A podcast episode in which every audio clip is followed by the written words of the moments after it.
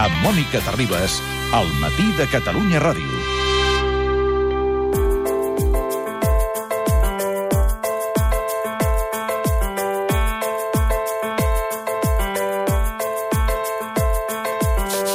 Doncs ara sí, ha arribat el dia. El Regne Unit ha premut el botó de sortida de la Unió Europea amb l'obertura formal d'aquestes negociacions del Brexit, apel·lant a l'article 50 del Tractat de Lisboa. Serà un any i mig o dos, fins a tardor del 2018, la primavera del 19, mm, mentre duren aquestes negociacions.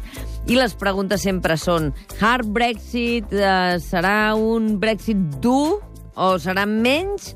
Uh, en Xavier Sala i Martín, en l'informe econòmic, uh, n'hem parlat alguna vegada, però ara ha arribat l'hora de la veritat. Xavier Sala i Martín, bon dia. Hola, molt bon dia. I sempre has dit, molt bé, molt bé, molt bé, molt d'escàndol, però a l'hora de la veritat aquí s'arribarà als pactes que convingui perquè el Regne Unit eh, no quedi perjudicat i Europa tampoc, no? Jo crec que així és com arribarà, però la veritat és que no sabem. Eh? La veritat és que el que obre l'article 50 és un procés de negociació. Mm. Eh, I, per tant, el resultat final doncs, dependrà d'aquestes negociacions. I eh, llavors eh, hi ha dos tipus de coses que s'han de negociar i d'entrada ja no estan d'acord ni de com s'han de negociar sí. aquestes dues coses. Les dues coses que s'han de negociar són, primera, els termes del divorci. Mm. Eh? És a dir, els actius, els passius, eh, eh, de qui és cada cosa, eh? Mm. i els deutes pendents. Aquí la Unió Europea diu que com que hi ha moltes despeses que la Unió Europea s'ha compromès amb el vot del Regne Unit, Sí. el Regne Unit ha de pagar aquestes despeses. Per exemple, el corredor mediterrani, que aquests dies està eh, famosament eh, discutit a, a tot Espanya, per si passa Sí. per Madrid, no passa per Madrid, una part important d'això el paga la Unió Europea i el compromís es va fer amb el Regne Unit a dins. Per tant, el, el, el, la Unió Europea diu, escolta, les despeses, la part proporcional de les despeses del corredor mediterrani les heu de pagar vosaltres perquè Clar. vosaltres us vau prometre. I la factura de tot això, eh, diu la Unió Europea, que d'entrada ja són 60.000 milions. És a dir, que la, la, si el Regne Unit vol marxar, d'entrada ha de pagar 60.000 milions de totes aquestes despeses pendents. Uh, en qualsevol cas, això s'haurà de negociar, insisteixo, i és la primera part de la negociació. La segona part de la negociació serà sobre les relacions que tindran un cop hagin marxat. Mm. Eh? És a dir, si això és un divorci, primer s'ha de discutir eh, qui es queda què, però després, quan paga la dona al marit o el marit a la dona, eh? quin és, quin és la, el pagament mensual pel manteniment dels fills o pel que sigui. Eh? Um, I això vol dir, per exemple, els aranzels, quan, quin percentatge hauran de pagar els cotxes alemanys quan es venguin uh, a Anglaterra o al revés. Um, uh, també s'hauran de discutir les barreres que tindran els ciutadans quan van d'un país a l'altre, si hauran d'ensenyar el passaport, si no hauran d'ensenyar el passaport, també les regulacions, és a dir, quan es faci una regla sobre el, el roaming, no? quan ara estan, ara estan els europeus negociant que és quan tu vagis de, de França a, a Alemanya, doncs no hauràs de pagar roaming quan, amb, amb, amb el telèfon, eh? les despeses aquestes extravagants que Sí. pagues quan vas a un altre país, això no s'haurà de pagar. Això s'aplicarà a Anglaterra o no s'aplicarà, eh, perdó, al Regne Unit. Eh? Mm. eh, també sobre els moviments de capitals, i això és molt important per, per, pel Regne Unit, no? Eh, perquè la, el centre financer, un dels dos centres financers mundials, l'altre és Nova York, eh, és, eh, és precisament eh, Londres. Uh, i, per tant, I també, finalment, el, els diners que es pagaran, que pagarà el Regne Unit, si ha de tenir accés al mercat comú europeu. Mhm. eh? El mercat europeu és molt gran, per tant molt petitós. Si els anglesos volen tenir accés a aquest mercat, hauran de pagar un xec. Això, per exemple, és el que passa amb Suïssa o Noruega. Clar, Suïssa que estan, Noruega que estan dins no de l'EFTA, no? De, Exacte. De, de no l'associació són part europea. de la Unió Europea, però, com tots sabeu, tots els que heu anat a Suïssa, sabeu que formen part de Schengen. Eh? Quan Mm. entres a Suïssa no has d'ensenyar el passaport, és com si anessis a França. Sí. I eh, les, eh, les eh, empreses suïsses són tractades com si fossin europees. A canvi d'això, però, Suïssa paga un xec. Eh? Cada mes ha de pagar un, ai, cada, cada any ha de pagar un taló, no massa, no petit, precisament, per formar part de tot això. Clar. Uh, doncs bé, tot això s'ha de negociar. Eh? tindran accés al mercat, no tindran accés al mercat, quins aranzels tindran, quines regulacions, etc etc. I de moment no hi ha acord ni en la seqüència en la que es, eh, la primera discussió és què es negocia primer, l'acord de divorci o les relacions que tindrem Clar. un cop divorciats. Eh, els europeus diuen que primer és l'acord de divorci, primer s'ha de pagar les factures. I un cop això ja negociarem l'altre. La Teresa May ha dit que no, que vol negociar les dues coses a la vegada i quan abans millor. Eh? Per tant, l'entrada s'hauran de posar a, negociar sobre què és el que es negocia i què és el que es negocia primer i què és el que es negocia eh, segon. A tot això, s'ha de tenir en compte que aquestes negociacions, que passaran més o menys en els propers dos anys, tot i que es poden prorrogar, eh? si, si no s'arriben si no a acords aquells anys, poden decidir allargar-ho una mica més, eh, doncs eh, hi haurà complicacions per la geopolítica normal. Eh? Mm. Um, D'entrada, la, la, la Unió Europea voldrà evitar noves situacions de Brexit i, per tant, eh, tindrà tots els incentius del món de uh, uh, uh, escenificar un escarment. Eh? Clar, Eh, perquè ningú se li acudeixi fer el mateix. Exacte. Exacte, que ningú sabeix el mateix, doncs aleshores el que farem serà doncs, eh, que, que surtin amb les pitjors condicions, que paguin en el, en el, en el, en el divorci, que paguin 60.000 milions, per això ja han demanat una quantitat extravagant, eh, i després doncs, que no tinguin accés al mercat, que siguin humiliats. Eh? Bueno, ahir, per altra exemple, banda- vam saber que la Comissió Europea precisament estava vetant la fusió de la Borsa de Londres amb la Borsa de Frankfurt, argumentant que si no volien col·laborar i participar en la gestió de la Borsa italiana, doncs que fora, no? És a dir, aquestes mesures, d'alguna manera, eh, perquè es vegi bé eh, que no els hi faran cap favor. Exactament, és, intentaran, intentaran fer un escarment públic per evitar noves, noves, noves sortides. Eh? A, a tot això, en aquests propers dos anys, hi haurà dos elecció, dues eleccions molt importants Sí. a Europa i al món, que són les eleccions franceses i les eleccions alemanyes, on el debat sobre Europa també estarà, estarà present. Eh? De fet, els partits de l'extrema dreta o de l'extrema esquerra són antieuropeus Mm. i, per tant, hi haurà debat de tothom mirant a Anglaterra, diu, escolta'm, si aquests tios ac- aconsegueixen molts calés, escolta'm, eh, no passa res si marxem. clar. Eh? I Europa voldrà evitar que guanyin aquestes extremes esquerres i aquestes extremes dretes i, per tant, no només per escarmentar per futures possible, possibles sortides, sinó per evitar que guanyin els extremismes de dretes i d'esquerres, eh, també intentarà donar, donar poc.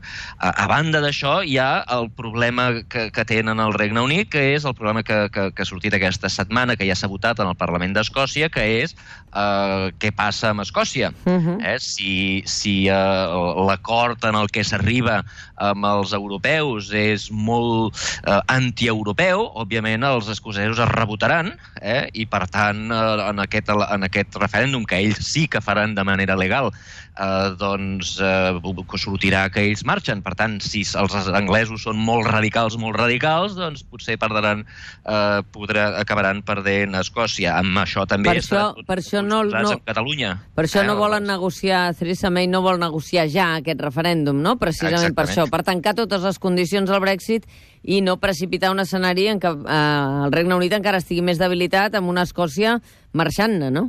Exacte. I a banda d'això, hi haurà els que votaran en, temes, en termes estratègics. Eh? Espanya estarà sempre pensant en Catalunya. S'ha de dir, he de dir que els dos acords que hem, parla, que hem dit abans, l'acord de divorci i les relacions post-divorci, Mm. el, el primer, l'acord de divorci, s'ha d'aprovar- la Unió Europea l'ha d'aprovar amb majoria qualificada. És a dir, no cal unanimitat. El segon, cal unanimitat eh, per establir noves relacions comercials o regulatòries, etc amb la Unió Europea, el Regne Unit requerirà que eh, votin sí tots els membres de la Unió Europea i, per tant, tots tenen poder de veto.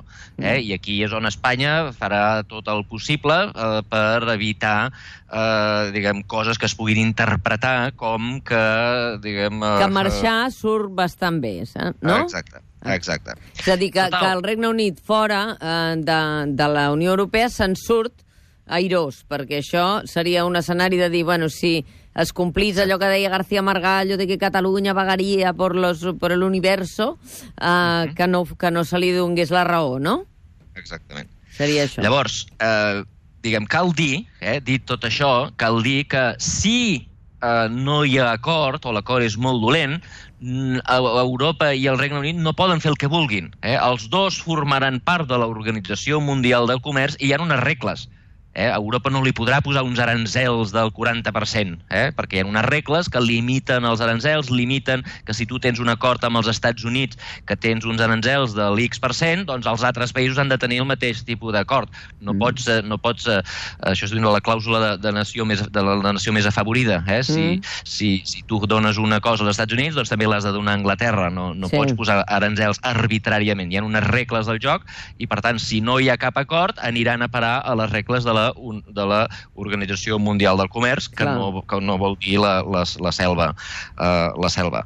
Tot resumint, eh, què passarà? Doncs no, no en tenim ni idea. Eh? Com pots veure, això serà un procés llarg, complicat, eh, una jugada de pòquer darrere l'altra, tothom eh, fent farols, eh, tothom dient que a mi m'és igual si, eh, si jo surto perjudicat perquè la, la, la qüestió és que és perjudicar l'altre, tothom farà veure que té molt bones cartes eh, i veurem eh, qui acaba guanyant. La meva sospita és la mateixa que tenia fa dos anys abans de la votació, fa un any abans de la votació, recorda? I Sí. que és el que tu has anunciat al principi Mm. D'aquesta d'aquesta xerrada. Sí. La, meva, eh, la meva sensació és que acabaran igual que estan ara. Jo recordo una que... Sí, sí, que quan... similar a la de Suïssa, eh, en la qual els anglesos tindran, eh, el Regne Unit tindrà accés al mercat eh, únic europeu, Europa tindrà accés a Anglaterra, o, o al mercat eh, del, del Regne Unit, eh, on eh, no hi haurà Schengen, però ja tampoc hi és. Eh? Ara, quan entres als Estats Units, eh, perdona, quan en- entres al Regne Unit has d'ensenyar el passaport, has de, no, no és com França. Eh, per tant, això que als anglesos els importa molt, tindran, tindran una mica més de control sobre, sobre la immigració. Els europeus tindrem dret a treballar al Regne Unit i a l'inrevés, Uh, això jo crec que se solucionarà així i uh, uh, a canvi els, uh, el Regne Unit pagarà un xec uh, que potser no serà tan gros com el que pagaven ara però seguiran pagant un xec jo crec que aquest serà el final per què? perquè eh, diguem, ara tirar pedres en el port del veí perquè no entrin els vaixells diguem, eh, eh, diguem és tirar-se pedres en el teu propi port Mhm. eh, a tu no, no, a, a ningú, a cap dels dos li interessa una, una guerra comercial ara i per tant jo crec que al final no acabarà passant. I per Mira, tant, una- més o menys estarem, estarem on érem al principi. Una cosa que la gent pot entendre molt bé i que segur que, que hi has pogut pensar, eh, si no hi ha acord, la Premier League, que, per exemple, ara a Manchester, tu vas, estàs a cavall entre Manchester, eh, Nova York i, i Catalunya, no? La Premier League patiria les conseqüències si no hi ha acord, perquè els comunitaris que hi ha a la Lliga de Futbol computen a partir d'aleshores com a estrangers i n'hi ha uns quants a la Premier.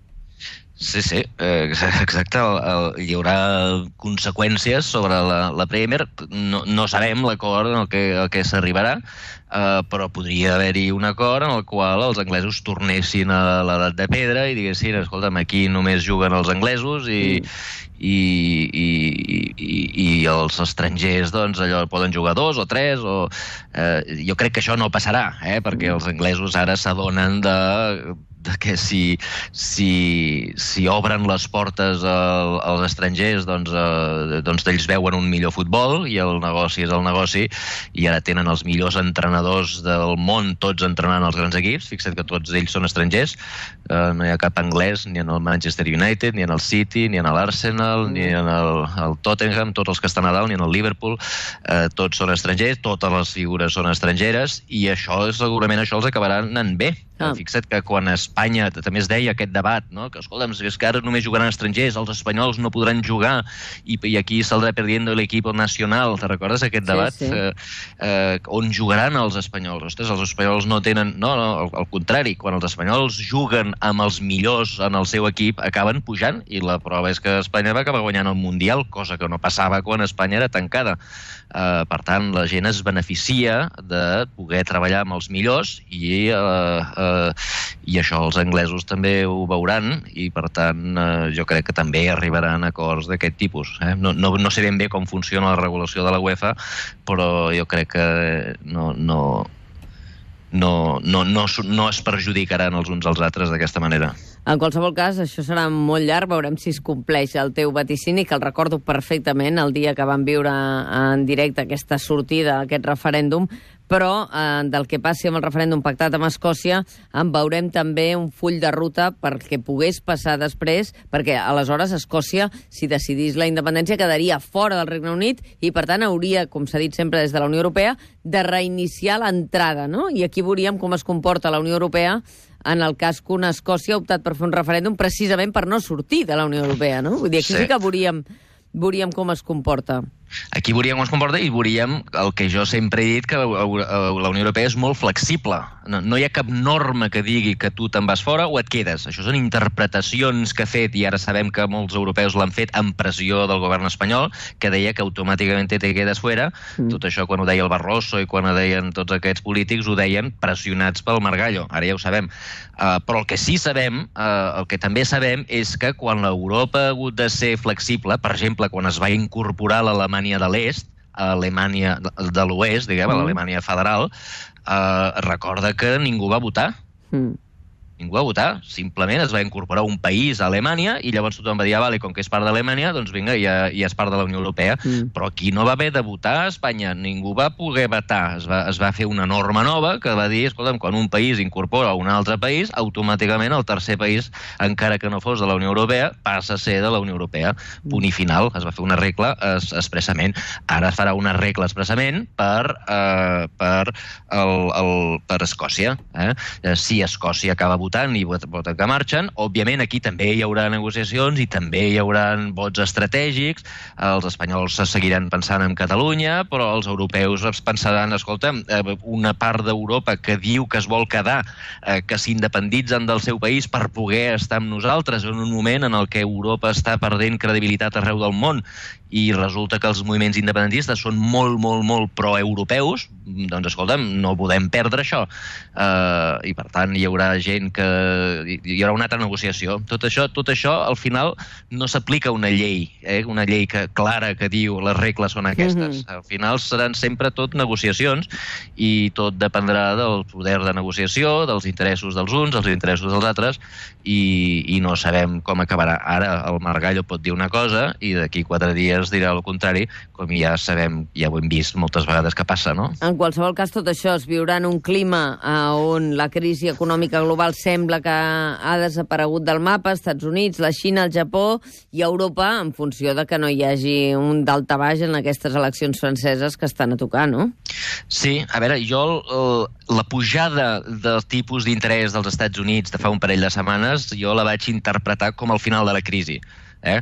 Cada vegada que els americans, ja feia 3 anys que estaven intentant pujar els tipus d'interès, cada vegada que parlaven de pujar els tipus d'interès hi havia una crisi a algun lloc del món. Eh? La última, ben coneguda, recordeu, a la Xina, quan el desembre del 2015 als Estats Units pugen els tipus d'interès, al gener, al finals de desembre-gener, cau la borsa de la sí. Xina d'una manera espectacular i això fa que molta gent parli fins i tot de la gran recessió del 2016. Sí, sí. Eh? El, el, el president del Citibank va, dir, va, va batejar famosament la nova crisi del 2016, que ja la tenim aquí.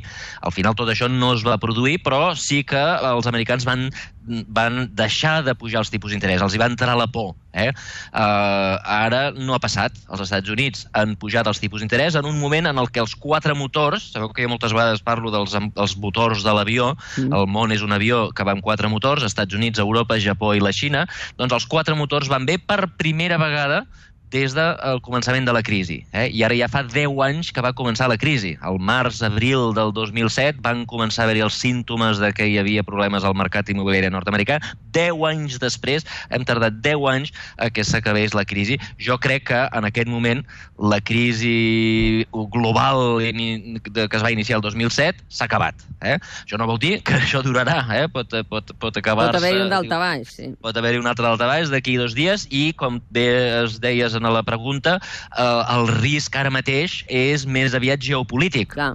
Eh? El risc pot venir d'un president de color taronja que fa coses rares als Estats Units. Amb un president o... Putin que fa coses rares i amb una uh, Europa exacte. que fa coses doblement rares. Sí, sí. Exacte. Aquí, ara mateix, ara mateix, els economistes hem de ser una mica humils per eh, dir, escolta, no sabem ben bé què passarà perquè el que passi serà, serà polític. Eh? El Putin pot invadir uh, els, els, els països bàltics, els Estats Units poden fer una guerra comercial amb, mm -hmm. amb, amb Xina o amb Mèxic, amb Amèrica Llatina, uh, la Xina Xina pot s'està embrallant per les illes del Pacífic amb el Japó, eh, diguem, estan, l'Orient Mitjà és un polvorí, ara que resulta que hem, hem, hem, hem reincorporat l'Iran en, el, en el món internacional quan ells s'han compromès a, a deixar el tema nuclear. És a dir, eh, eh, hi, ha, hi, ha, hi ha coses estranyes en el món polític que, òbviament, tindran implicacions econòmiques arreu del món. I, per mm. tant, ara mateix, el gran risc és un risc no financer, no comercial, és un risc polític. Eh? És per això que uh, nosaltres però... a Catalunya estem en aquelles llistes dels llocs geopolítics uh, que, que Exacte. són un risc uh, dins d'aquest escenari, no? Perquè fa trontollar l'economia espanyola si Catalunya decideix Exactament. marxar, no? Exactament. Un risc geopolític a Europa, tot i que no és un, el risc principal, és, el, és el, la, la independència de Catalunya. Uh -huh. uh, per tant, diguem, en termes econòmics, la crisi s'ha acabat, el qual no vol dir que duri, Uh, de fet, els Estats Units pugen els tipus d'interès, això ho hem explicat moltes vegades aquí, sí. els Estats Units pugen els tipus d'interès per tenir una xarxa, mm. eh, perquè tots sabeu que quan comença una crisi el primer que fa un país és baixar els tipus d'interès. Abans de la crisi, el 2007, els tipus d'interès dels Estats Units eren del 4% i el primer que van fer va ser baixar-los a zero. El problema és que han estat a zero fins ara i, i els Estats Units pensen, escolta'm, si ara vingués una altra crisi no els podem baixar perquè ja estan a mm-hmm. zero. Uh, per tant, els hem de tornar a pujar a 4 perquè quan vingui una altra crisi els puguem tornar a baixar. Eh? Uh, I per tant, això de pujar els tipus d'interès es fa pensant en una possible nova crisi i no sabem quan vindrà. Uh, però el que sí que podem dir és que vingui uh, d'aquí 15 dies o vingui d'aquí 6 anys, uh, la crisi que va començar el 2007 ha durat 10 anys, la crisi global, eh? globalment, sí. al món, ha durat 10 anys, i però finalment s'ha acabat. S'ha acabat a nivell global. Eh? Als Estats Units s'havia acabat ja fa temps, a, a, a Europa s'ha acabat ara mateix, a la, a la Xina eh, ni tan sols ha començat, eh? però a nivell global de que funcionin els quatre motors ja podem proclamar el final d'aquella crisi. Doncs uh, moltes gràcies. Professor Salai Martín, el deixem continuar amb les seves ocupacions allà on sigui. Que vagi molt bé. Una abraçada. Vinga, gràcies. A reveure. Adéu.